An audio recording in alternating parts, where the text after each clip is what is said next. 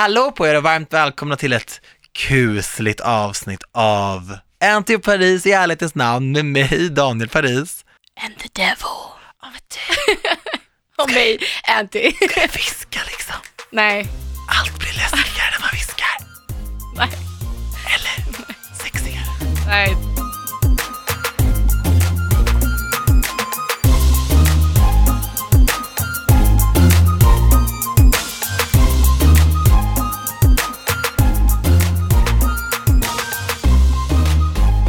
Happy Halloween till dig. Happy Halloween. Jag har aldrig fattat grejen om man firar Halloween typ den här veckan eller förra veckan. Nej, det är lite oklart. Folk har ju klätt ut sig i typ två veckor nu. Men Halloween är ju den 31 oktober. Ja, det är då, är det då, det är då man hedrar de döda. Nej, det är alla helgona. När klär man ut sig? På Halloween. Så varför klär folk ut sig nu? Men det är så oklart. Vi har ju inte Halloween på samma sätt i Sverige som det är i USA. Ja, nej, verkligen inte. Men jag är nöjd. Så alla tillfällen i akt och klä ut sig är a good time. Du har ju verkligen maxat halloween kan man ju verkligen säga. Ja, det är A lite min tid av å- på året. Men vadå, du har, men jag bara blir så här.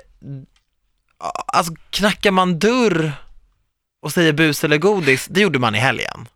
Ja. Ja, Eller, jag gjorde ju det.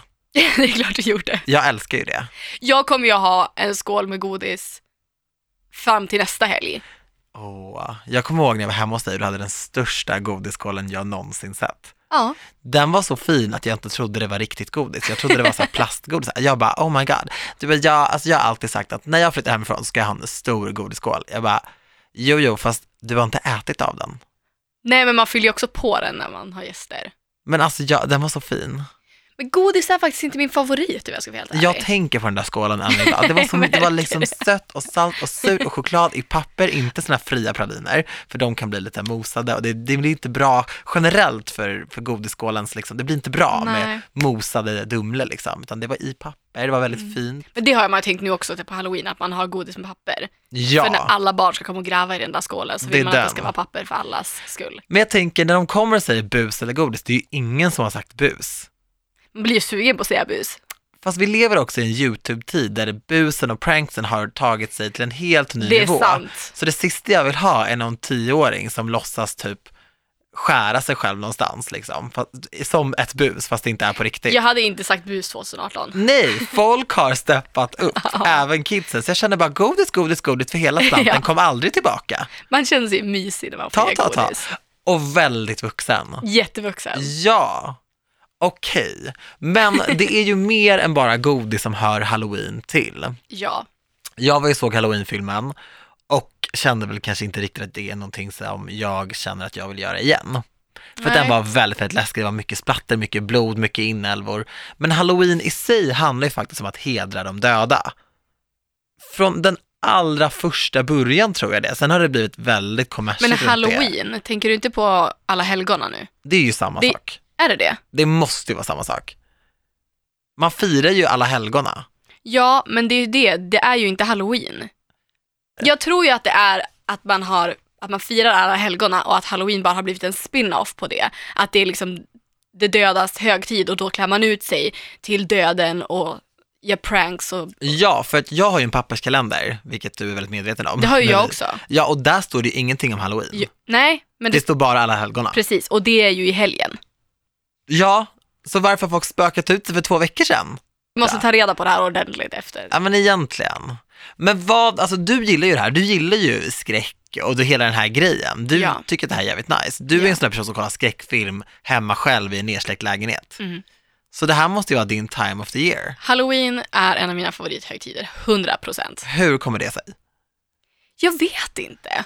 Du bara älskar det. Jag tror att det kommer ifrån att min äldsta syster Signe har ju alltid älskat skräck. Ja. och skrivit så skräck, spökhistorier, vi har lekt spöklekar. Mm. Så jag har inte haft så mycket val från när jag var liten och sen har det bara blivit en grej att jag har börjat gilla det mer och mer ju äldre jag har blivit. Tänk om du växte upp så och var känslig. Ja, det hade ju inte varit ett- ett alternativ. Wow. När vi var små så, jag har ju pratat om våran stuga Mm. och det ligger en ö jättenära våran stuga som man bara ror över, det tar några minuter. Och på den ön finns det en, ja vad ska man säga, det är ett hus fast det är stängsel bara. Det är liksom inget hus utan jag tror att det är någon, någon form av bur för stora fåglar men det är liksom stort som ett, som ett mindre hus. Okej. Och allt är i nät. Så här. Ja, Hö, inte hönsnät men så här stora, skitsamma, jag det är vet en bur. exakt vad du menar. Ja, och när jag var liten så gick vi alltså, vi, åkte, vi tog båten och åkte till den ön, jag och mina systrar. Och vi lekte en lek. Att jag blev instängd i den där buren och sen skulle jag rymma och Signe skulle jaga mig genom skogen. Va? ja, ja. Du skojar? Nej, Men, jag ramlade, jag skrek och jag blev rädd på riktigt för de sa att Signe var en demon eller något sånt. Så jag fick bara springa och hon sprang och skrek efter mig. Och eh, ja, sådana lekar lekte jag när jag var liten. men och du älskar ändå halloween, du är inte ärrad för livet av halloween? Nej, faktiskt inte. That's a good thing. Ja. Nej men jag har alltid, jag gillar spökhistorier och sånt fascinerar mig. Ja. Jag tror ju på spöken och på hemsökta hus. Men äh, körde ni det här um, anden i flaskan? Anden i glaset. Anden i glaset? Ja. Anden i flaskan är ju Aladdin. ja. Det säger väldigt mycket om mig. Eller Genie in a bottle, Christina Aguilera. Men den grejen är ju riktigt scary. Mm. Men du tror på den grejen?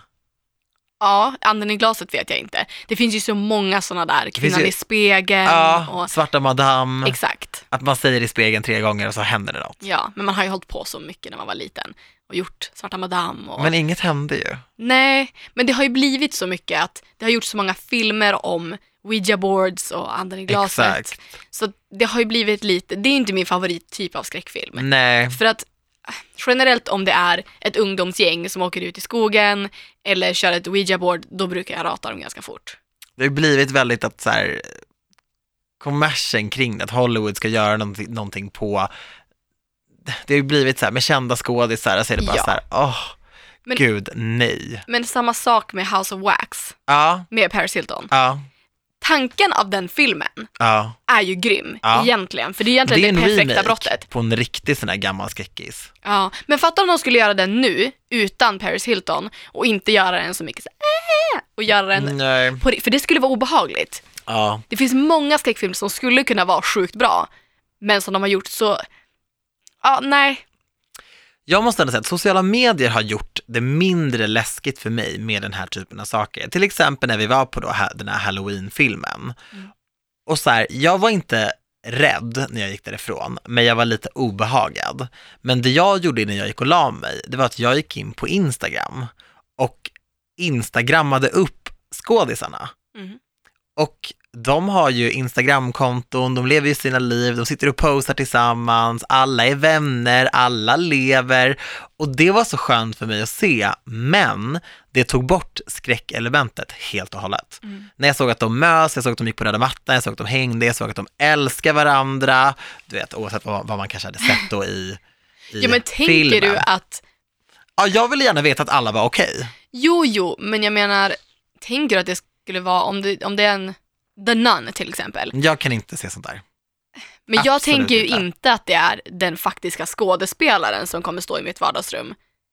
Men det skulle ju kunna hända. Nej, men jag tänker mig att jag har sett dem dö och det gjorde mig väldigt obekväm, men då kan jag bara gå in på Instagram och gilla hennes selfie och då blir allt okej igen. Kommer du ihåg filmen The Blair Witch Project? Ja, Det här beskrevs ju som decenniumets mest skräckinjagande film. Mm. Och den filmades, tänk att jag filmar med en iPhone, nu fanns ju ett iPhone på den tiden, men det var en skakig handkamera med ungefär samma upplösning som iPhone. Och det var en, en one-take-kamera, de gick runt med den här kameran och filmade en skog, de filmade varandra i olika vinklar och det var typ det. Mm. Och anledningen till att den här filmen var så skräckinjagande, man fick inte se någon häxa, Nej. man fick knappt se någon dö riktigt, utan folk försvann och typ sådana där saker. Men det var ju för att det var så otroligt autentiskt. Mm. Och det sades ju såklart att det här var på riktigt. Skådespelarna som var med i filmen var helt okända, totalt. Mm. De kände inte varandra, men ja, det sades ju att de var ett kompisgäng och sådär, men nu vet man inte vad det är. Och de fick inte göra några intervjuer, alltså ingen press. briljant. Det är så briljant. Och de här kidsen som var med i filmen hade ingen ambition på att bli Hollywood-kändisar, få gå på röda mattan, bli, eh, ja men du vet, bli influencers med allt vad det innebar, få gratis saker. De sket i det. De ville bara göra den här filmen. Och det var ju helt briljant. Så folk var ju livrädda. Lever de, lever de inte? Finns de, finns de inte? Var de kompisar, är de inte kompisar? Det var ju, det var ju någon som överlevde tror jag. Det var så här, ah, nej men ingen har hört eller sett någonting från henne. Alltså skådisarna gömde sig, lite som de gjorde med Skam när det Mm. kom. Att det var så här, knappt några intervjuer, de, de gjorde ingenting. Många av dem hade inte ens Instagram, liksom. men det fanns fejkade konton som hade att göra med, med programmet. Och det var så läskigt. Sen kommer jag ihåg att så här, långt fram så gjorde typ Oprah Winfrey en intervju med två från Blair Witch Project eller någonting och det var ju så här, ja men, då, då berättar de hela grejen. De har gjort en remake på den också. De har gjort massa spin-offer på filmerna. Ja, men de har gjort en remake också. För, som de gjorde för två år sedan tror jag. Ja, det här kommer jag ihåg. Ja, jag, jag har sett den, det var helt okej. Men det är inte en handkamera som filmar allt väl? Alltså det ska se ut som att det är de Ja. själva som filmar det. Jo, alltså, tanken är att det ska se ut som den gamla filmen. Ja, den handlar om att det är några kids som har sett filmen och vill göra om det. Nej, Mm, för sådana såna filmer kom ju efter. Ja, nej, det det kom ju inte Blair det. Witch 2, och 3 och 4 och skådisarna ville ju inte ha någonting med de nya grejerna att göra. Ja. Och det var ju riktiga så Hollywood-produktioner. Och så dog ju allting. Ja. Ja, Generellt ja, det, är jag... ju, det blir ju mer och mer, känns det som, mer och mer splatter i skräckfilm. Ja, det är det. Och det är inte skräckfilm, inte i mina ögon i alla fall. Jag tycker ju att sånt, om, jag, om ni vill se en skräckfilm, oavsett om ni var minst den här eran eller inte, men det finns en film som heter typ, jag vet vad du gjorde förra sommaren, eller Urban Legends. Och då ska du rekommendera I know what you did last summer. Det är sådana filmer som jag blev rädd för när jag var liten, det är sådana filmer jag kollade på. Ja, det är så praktexempel på Ja, men det skämt. är, Det är sådana som Scary Movie har gjort parodier på. ja, precis. Men de här häxfilmerna, Ja. som The Nun och Exorcisten och sånt, det klar, jag kan inte ens se en trailer. Om det kommer upp på YouTube innan jag ska kolla på en mukbang, alltså då tar jag bort ljudet och alltså bara vänder bort min dator Okej, men det är vilka är dina topp tre skräckfilmer?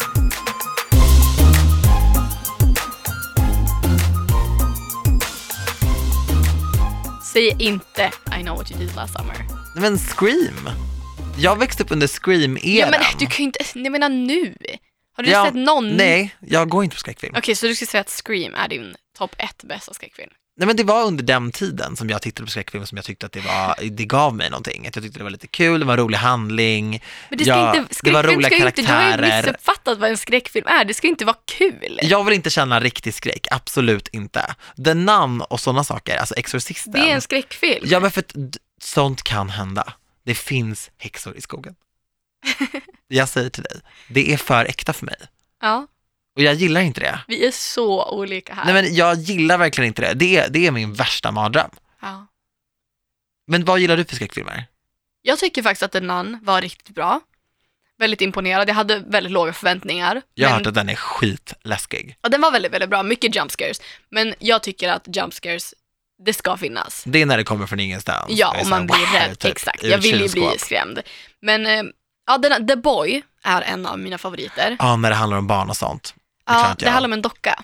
Nej men gud, det kan inte jag. Och jag, sa, jag har sagt det i något poddavsnitt och det var faktiskt någon, någon lyssnare som skrev till mig och sa att hon blev riktigt besviken på The Boy.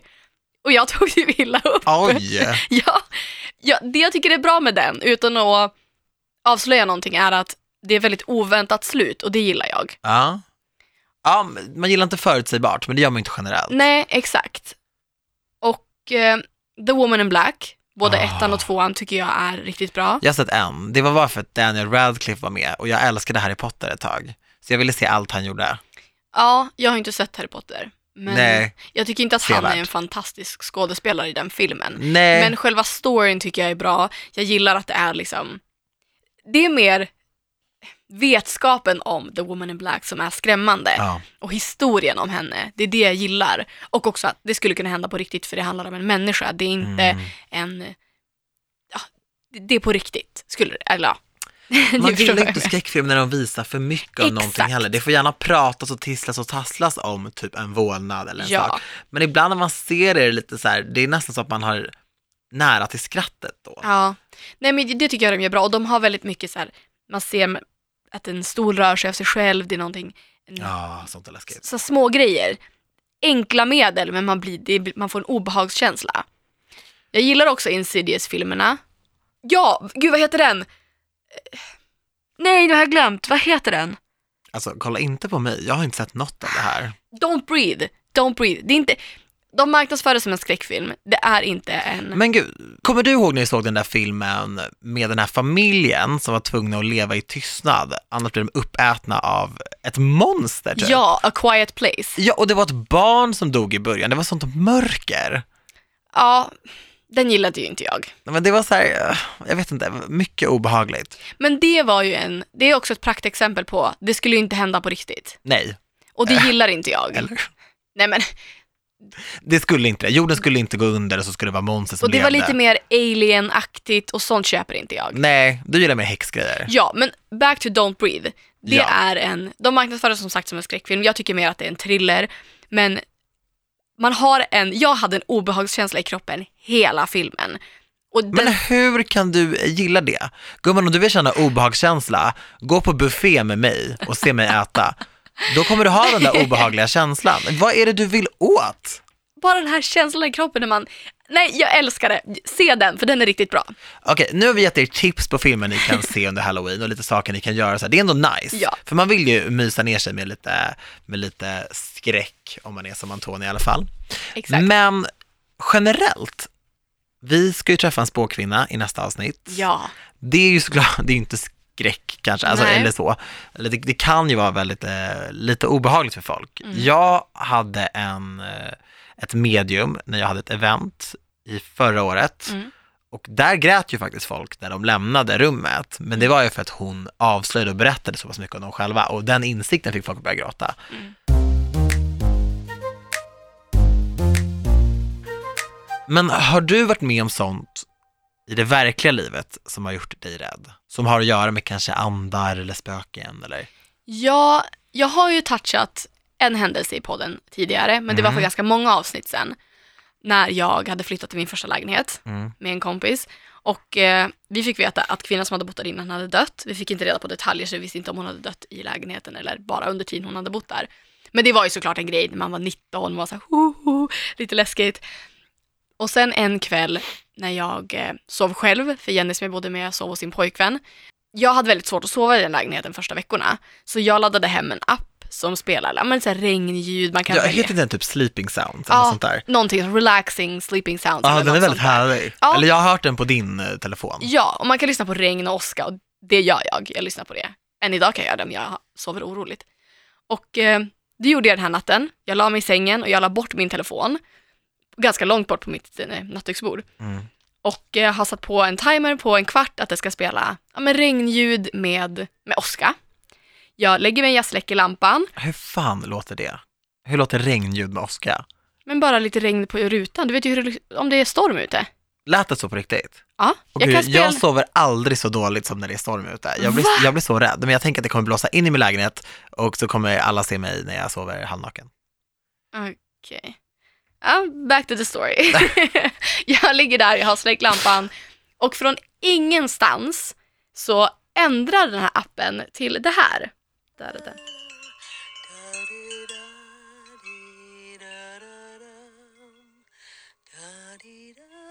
Nej, nej. Okej, stop it! Alltså, ah.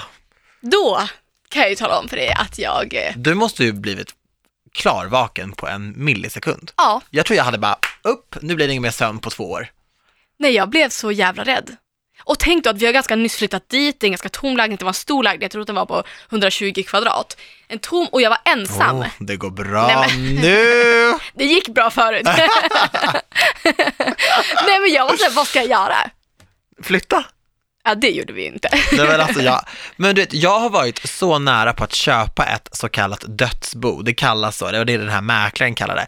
Jag skulle köpa min lägenhet efter att jag bodde i min studentlägenhet, när jag skulle bli eh, socionom. När jag var färdig socionom så får man ju inte bo kvar i studentlägenhet. Så eh, då hittade jag en lägenhet och jag kommer ihåg att jag var och kollade på den och skulle köpa den. Och sen så var det någon som budade någonting och då la jag mig och sen så ringde jag mäklaren sen och bara, nej men vet du vad, jag, jag lägger över, jag, jag vill ha den här lägenheten. Och då var den här mäklaren så här, ja, alltså Daniel, jag kan typ inte ringa familjen och säga att du har budat över. Jag bara, va? Förlåt, men alla ni som har köpt och sålt lägenhet vet att det är väldigt ovanligt att en mäklare inte vill ta emot ett bud. Så sa hon att, eh, nej, nej, det här, det, här är, det här är ett dödsbo och familjen vill bara få det här överstökat. De pallar inte mer. Jag var så nära på att köpa den här lägenheten.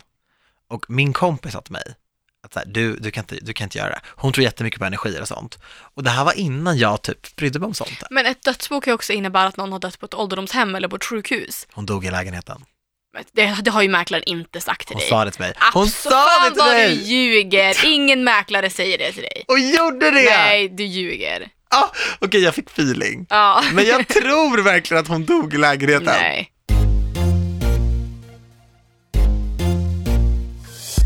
Jag ville verkligen ljuga för dig. Du kan inte ljuga för mig. Du är fruktansvärt dålig på att ljuga. Jag vet! Men jag ville att du skulle tro på Ja, det. förlåt. Men tänk så här. Du hittar din drömlägenhet. Ja. Eller ett drömhus. Och Ja. så får du reda på att en familj hade blivit mördad där. Hur mycket hade det spelat roll egentligen? Mycket! Skojar du med mig? Ångesten sitter i väggarna. Du, jag kom på en till bra skräckfilm. Sinister. Jättebra, kolla på Ja, den. du blev inspirerad nu. Ja. Man bara, På tal om. Nej men vadå, vill inte du veta vad som har hänt i din bostad innan du flyttade in? Jag frågar allt sånt. Nej, alltså för egentligen, okej det är en sak om det har varit ett, ett brutalt mord där. Men, Eller en porrfilmsinspelning. nej, men det spelar väl ingen roll. Nej men jag vill Det är gärna... väl hemma hos dig varje helg? Nej, men fan. I wish! Snälla, kan det bli så? Nej men man vill väl veta, jag A vill night in veta. Paris. A lu- a lunch with Paris är ju more like it, eftersom att jag alltid äter. Nej men jag tänker att man vill veta vad som, jag brukar alltid fråga så här, vilka är grannarna? Var, varför flyttar paret? Alltså jag, jag fick ju veta att mitt par Mhm. som, som bodde i Vasastan, de har gjort slut. Så jag vill bara säga, ska jag hämta en andrenare då som bara kommer och, och rensar bort? Har de Men bråkat mycket i vilken mäklare kommer säga till dig, ja dina grannar är mördare? Alltså, Nej, vad, vad men väntar här, du få höra? Det är klart de kommer säga att de är fantastiska och aldrig spelar ljud efter klockan åtta. ja varför har de alltid ljugit om sånt? Alltså, på Söder sa ju han att grannarna var jätteskötsamma. Sen pratade jag med han i föreningen när jag flyttat in. Han bara, ja vi har haft extremt mycket problem med fester men det är klart att mäklare säger vad fan som helst för att du ska köpa det. Men så ska det inte vara. They're making money. Jag vet. Men jag tycker det är så tråkigt att de ljuger för en. De ljuger inte, de undanhåller. Ja, men fast om de inte talar sanning, där bara ställer en fråga, då har vi någonstans ljugit. Men har du varit med om något sånt läskigt? Jag har varit med om en del saker som jag har känt har varit övernaturliga, absolut. Mhm. Du vet att så här, äh, man lyssnar på radio så byter stationen eller liksom sådana grejer. Ja men typ, eller liksom att mat inte är kvar i kylen när man har lagt in det på kvällen, men då är det nog jag som har ätit det tror jag på kvällen där. Men, Nej men sen har jag haft, nej men jag har haft moments där jag har hört, när jag, när jag bodde i huset på Ananasvägen, det var Va? ju, hette vägen Ananasvägen? ja, och så hade vi melongränd nära vad och banangränd, ja, skitnice. Banangränd, hängde du där mycket? Nej, tyvärr inte, jag försökte ju, jag, bara, jag har hört att det här händer. nej men, och då kunde jag, lägen, eller huset lät ju generellt, när jag var ensam hemma till exempel. Det lät i trappan, det lät från övervåningen, min kyl kunde låta och så här, då blev jag jätte, jätte, jätterädd. Men jag såg aldrig någonting på det sättet. Men minns du när vi var på det här, där podden föddes? det här har vi pratat Ah, om hur det mycket där, som helst. Där spökade ju. Just det, det hade jag helt glömt bort. Vi åkte iväg till ett hus och hur många var vi? 20 pers kanske? Typ, ja. Sitter i en buss på vägen dit och jag börjar ju hetsa direkt och bara, har det spökat i det här huset? Finns det spöken? Och jag blev ju tillsagd ganska på skarpen att sluta fråga de där frågorna. För vi ville inte berätta någonting, Nej, jag vet. vilket betyder det spökar där. Ja. Och jag kunde inte släppa det här. Och då pratade vi faktiskt med han som jobbade i köket där, som hade jobbat där i flera år. Ja. Och han berättade, det var sista dagen, det var ju en tjej som bytte rum. Hon ville inte bo i rummet som låg bredvid köket för hon tyckte att det var obehagligt. ja, men Felicia Aveklev bodde ju i det rummet. Nej, som... hon bodde i rummet bredvid mig. Ja, vi frågade sista dagen och han som jobbade i köket berättade där att det var en betjänt av något slag som hade bott i det huset som vägrade lämna huset som Ah, man kunde just se. Det. Och, då, och där hade det inte varit ett sovrum innan utan det var passagen från köket. Så han gick däremellan för han hatade att de hade byggt en vägg där för han brukade gå där förr i tiden. Så honom kunde man ju se och känna av. Men det där är så sjukt. Och Felicia berättade ju också att hon kände att det var någon i rummet och de berättade också att i det rummet spökade det. Ja. Men jag sov ju i rummet bredvid Felicia. Och jag hade ett fönster som gick, som man såg rakt in i köket. Så vi bodde i ett annat hus som var en utbyggnad. Så att fönstret från mitt rum gick in i fönstret in i köket. Och jag vaknar på natten och jag hade dragit ner rullgardinen men det var en glipa på kanske 15 centimeter så jag så såg sjukt. ändå in i köket. Och jag har ju linser så när jag sover har jag inte dem så jag ser inte tydligt, jag ser suddigt. Det här är så sjukt. Och vaknar och ser att det är tänt i köket och jag kollar ju in och ser två personer i köket. Men jag kan inte se vem det är eftersom att som sagt jag har linser, jag ser bara två personer. Jag kollade på klockan, jag tror att den var två-ish, den var mitt på natten i alla fall.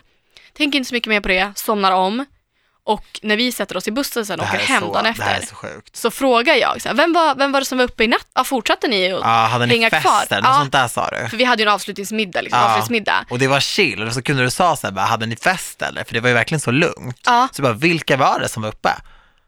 det var ingen. Det där är så sjukt. Ingen var i köket.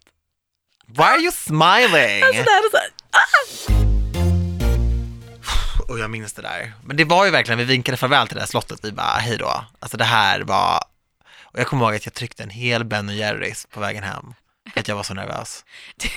så försöker förtränga det här och börja prata om glass istället. Det var så himla gott. Vi har ju faktiskt en gång också varit i, jag vet inte om jag har nämnt det här i podden, när Ja. jag bodde i Umeå när vi var och kollade på, vi skulle gå till det här sanatoriumet. Nej, det låter inte bekant. Vi, jag, Sanatorium, ja, jag tror att det heter det. vad är det?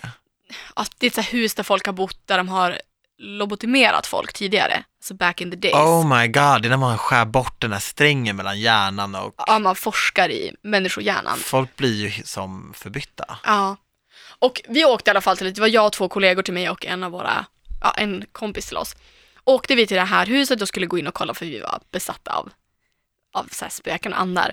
Och Angelica som jag jobbade med då, hon kunde se och höra saker. Så vi åkte dit mitt i natten, det var en bit att köra från Umeå. Sen kommer vi dit och så får vi reda på att de har hyrt ut det här till bärplockare. Så vi kunde inte gå in för de bodde där. Så vi bara okej, men vi, istället för att åka hem så går vi bara runt och kollar lite på området. För att Mm. Angelica kände en kille som bodde där som sa att det spökade i sanatoriumet. Så vi gick förbi det och kom till ett hus och vi spelade in allting. Men man såg inte för det var så mörkt, man hörde bara våra röster. Och Det så- här är som att ni ber om att hamna i trubbel. Ja, Alltså, indeed. Så vi går till det här huset och Angelica säger direkt, hon bara jag känner att här har det varit barn. Hon bara jag känner bara barn här. Och vi bara ah, okej, vi försöker gå in men det är låst. Så vi går runt huset och Mattias som var med ville verkligen inte göra det här. Så han bara, jag har ont i knät, kan vi gå tillbaka till bilen, vi måste åka hem för jag har ont. Han var ju bara livrädd. jag är Mattias. ja. Punkt. Så vi går runt och så hittar vi ett fönster. Och Angelica bara står och kollar, hon bara jag känner att här, det är någonting här. Och vi står ihop, tryckta alla fyra och någon av oss håller i telefonen som filmar. Och då säger Mattias, vad var det där? Och jag hör, ingen av oss hör någonting så jag säger väldigt drygt, men det var ju någonting i skogen, sluta Matte, du är bara rädd. Och sen säger Angelica, nej men det, jag, jag får en dålig känsla, vi måste gå härifrån. Ja, vi ska inte vara här. Så vi åker tillbaka och eh, sen när vi kommer tillbaka till Umeå så sitter vi kvar i bilen och lyssnar på våran inspelning. Och precis innan Mattias säger vad var det där så hör man i inspelningen. Som att någon verkligen väser jättehögt in i telefonen. Och han var den enda som hörde. Och han säger vad var det där? Och direkt efter jag dryg, "Ah, det var väl en fågel, skärp dig matte.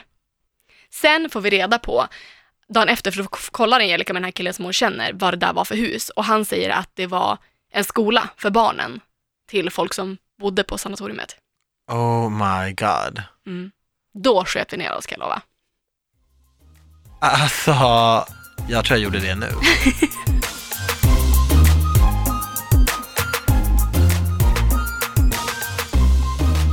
Vet du vad maran är för någonting? Nej, jag känner igen det. Maran, jag har googlat lite, men det här är någonting som jag är på riktigt jätte, jätterädd för. Maran är oftast någonting som du känner av i samband med en sömnparalys. Okej. Och sömnparalys, nu vet inte jag hur insatta folk är, men det är också någonting som jag är jätte, jätterädd för att få Mm. känna av någon gång i mitt liv. Och jag måste verkligen sluta vara det för att om man är rädd för någonting så är det som att man kan typ framkalla det. Mhm. Och jag bara känner att ja, det kommer vara jätte- jätteläskigt. Men du vet vad sömnparalys är? Ja. Kan inte du förklara vad det är? Det är väl att man sover och vaknar, fast man, man blir medveten, men man kan inte röra sig. Typ kroppen är inte vaken, men din hjärna är det. Ja. Och en sekund känns som ett år. Mm. Och du blir rädd och typ tror att du kommer dö, är det många som har beskrivit det för, för mig. Att, så här, nu, Mhm. det, att man inte riktigt fattar vad som händer. Mm. Googlar man på maran så kommer det här upp. Maran sades vara ett väsen som om natten smög sig in i sovrummet och satte sig gränsle över den sovandes bröst. Så kallat ridas av maran. Därav förklarades tyngden på bröstet och svårigheterna att andas under en sömnparalys. Men i folktron, då när folk beskrev det här för jättemånga år sedan, så var det som ett övernaturligt väsen som sades alltså plåga sovande personer genom att då sätta sig på bröstet och, och rida dem. Det, ja, det var, det var det man sa, även hur sjukt det än kan låta. Och, och då kunde man känna så här stark ångest eller en känsla av att kvävas. Därför så kunde man känna att man kan dö då. Och även hästar och, och djur kunde angripas, men det var mest människor. Ordet mardröm kommer ifrån maran. Aha. Intressant. Så maran är en sömnparalys. Jag kommer ihåg när vi var 15 år. Mm. Och då var vi hemma hos en kompis som heter eh, Cecilia. Och hon läste ur sin dagbok.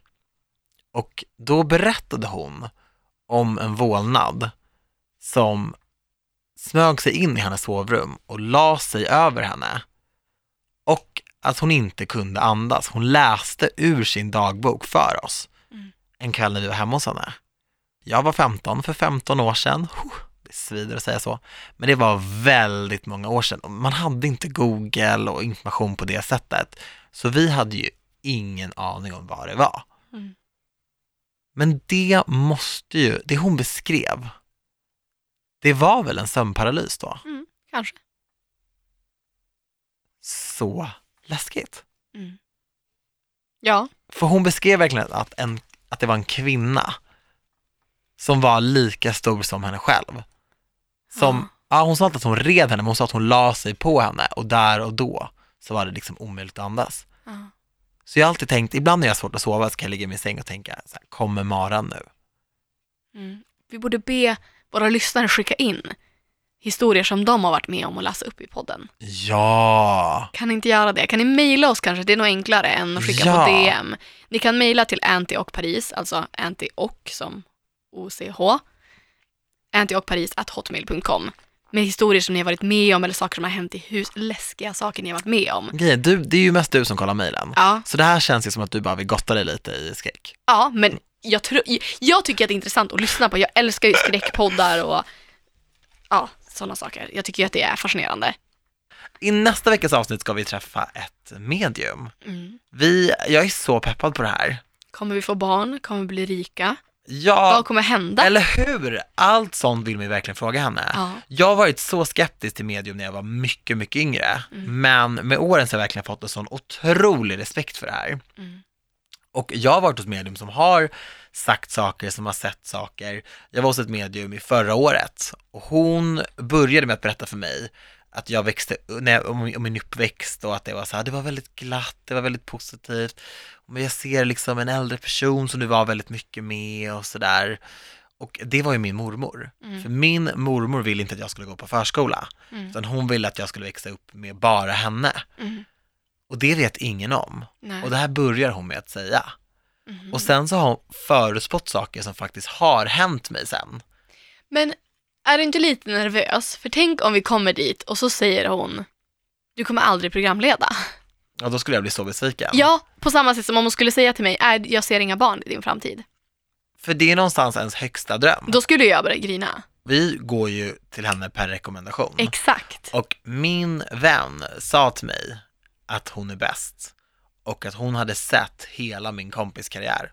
Men det tycker jag egentligen är lite läskigt. För jag att vet. jag tror någonstans, om, om man skulle gå till ett medium som skulle säga till exempel hur man skulle dö, om man skulle få reda på hur man skulle dö, Mm. inte när det skulle hända, men att ja, du kommer dö i en bilolycka. Då hade man ju aldrig satt sig i en bil i hela sitt liv igen. Nu är det ju inte ett sånt medium vi ska gå till, men jag menar bara att om man får veta någonting från henne, jag vill inte att det ska liksom hämma mitt sätt att leva fortsatt, förstår du hur jag menar? Att Nej. man får veta någonting så gör att man lever antingen för att man hoppas så mycket på att det hon säger ska hända, eller att man undviker saker för att hon har sagt. Förstår du hur jag tänker? Ja, men jag har hört att det finns som en slags hederskodex som medium har, att de inte berättar vissa saker. Såklart, men jag menar även om det är någonting positivt, att man bara går runt och väntar på att det ska hända. Bara, du kommer vinna ett pris inom åtta månader. Då kommer man bara gå runt och vänta på det. Eller du kommer få ett jättefett jobb eller en möjlighet eller för då kommer man gå runt och vänta på det och så kommer man bli Ja. så besviken om det inte händer. Sen får man ju såklart ha det med en nypa salt. Men både du och jag är sådana människor som blir ganska exalterade över saker. Så jag tror det är Ja. lätt att vi är sådana som kommer bli så här, oh my god, det kommer hända, oh! så går man runt och bara hoppas på och väntar. det. Och man hoppas ju också någonstans att så här, ens, om det är positiva saker så är det ju oftast ens driv och ens saker som har gjort att de här grejerna har hänt. Exakt. Och då om man vet om att något hända så kan det bli att man ligger lite på latsidan och bara Ja. ja, men ja jag väntar på den här grejen. Man Ja. bara nej, nej, nej, nej, nej, nej, fortsätt leva som du gjorde innan så Ja. att det händer. Ja, exakt. Men jag tror väldigt mycket på medium. Jag med. Det är därför vi är nervösa tror jag. Jag tror också det. Så i nästa veckas poddavsnitt så kommer vi berätta det hon sa. Ja. Så ja, den som lever får höra. Ja, Det är ett gammalt uttryck. jag vet. Och det Men känns du, konstigt, den som lever får du se. satte verkligen handen för bröstet Ja. och skulle vara dramatisk Ja. när du sa det. Jag gjorde verkligen och så här med, med min blick så här, Ja. ja. Antonia, vi ses nästa vecka. Eller.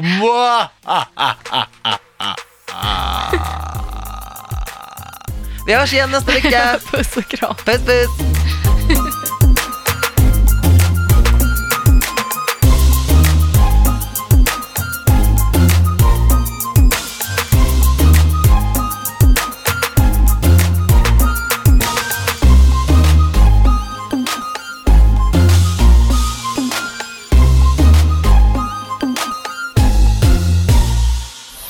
Produceras av I Like Radio.